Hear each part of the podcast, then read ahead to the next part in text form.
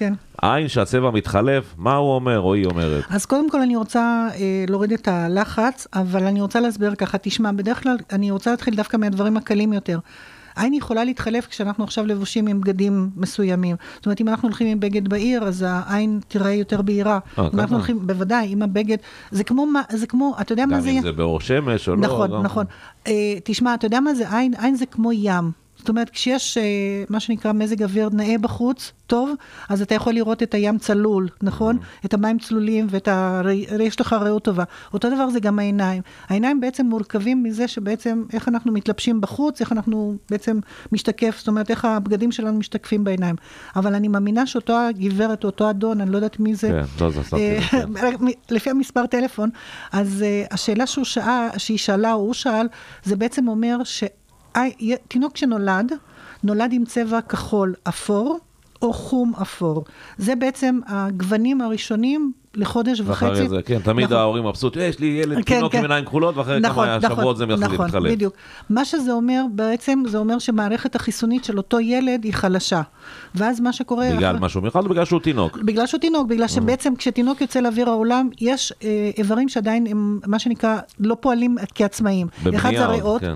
כן, זה הריאות, בגלל זה אומרים לנו לתת לתינוק לבכות קצת יותר כדי כן, לחזק את הריאות שלו. הריאות, כן. נכון. ומערכת העיכול שלו, שבעצם הוא לא נאלץ להשתמש במערכת העיכול הזו, עד שהוא בעצם יוצא החוצה, ואז הוא בעצם מתחיל לאכ- לאכול, ואז זה התהליך של מערכת העיכול. אז זה בעצם שני איברים. לכן תינוק כזה, גם אנחנו לא, לא חושפים אותו לכל האורחים שבאים אלינו, אה, אנחנו שומרים עליו יותר, שוטפים את הידיים, כן. אה, מחליפים את ה... זאת אומרת, בודקים את המוצצים ואת כל הדברים.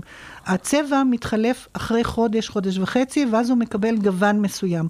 גוון שזה יכול להיות כחול, אה, חום, אבל כשהוא מתחיל לחבק, כשהוא בגיל יותר מבוגר ומתחיל להתחלף עוד פעם הצבע, זה קורה בגיל 6. זאת אומרת, עד גיל, מגיל ש... חודש וחצי עד גיל 6, אנחנו קוראים לזה... תהליך שבעצם הילד מנסה לפלוט החוצה את הרעלים שהוא קיבל בשלב העוברות. את מה שאימא אכלה, מה שהיא לא הייתה צריכה לאכול, מה שהיא הייתה צריכה לספוג ולא ספגה אותם. ואז יש תהליך מסוים, שבעצם בגיל 6 הילד כבר מתקבע לאיזשהו צבע מסוים.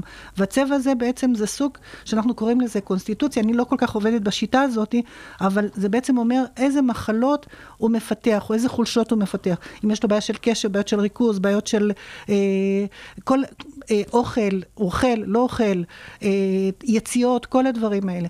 כשבן אדם, האדון שכתב לנו את הצבע של העין, זה בעצם אומר שצריך לבדוק אצלו גם את האור, גם את המערכת החיסונית, mm-hmm. והוא צריך גם לבדוק את מערכת הנשימתית. אבל זה אומר שבעצם עין של אדם צריכה להיות בגוון אחיד, בצבע אחיד, ללא סימנים, ללא חריצים. כל סימן, כל חריץ, כל צבע, אומר איזשהו תהליך שהוא נמצא בגוף.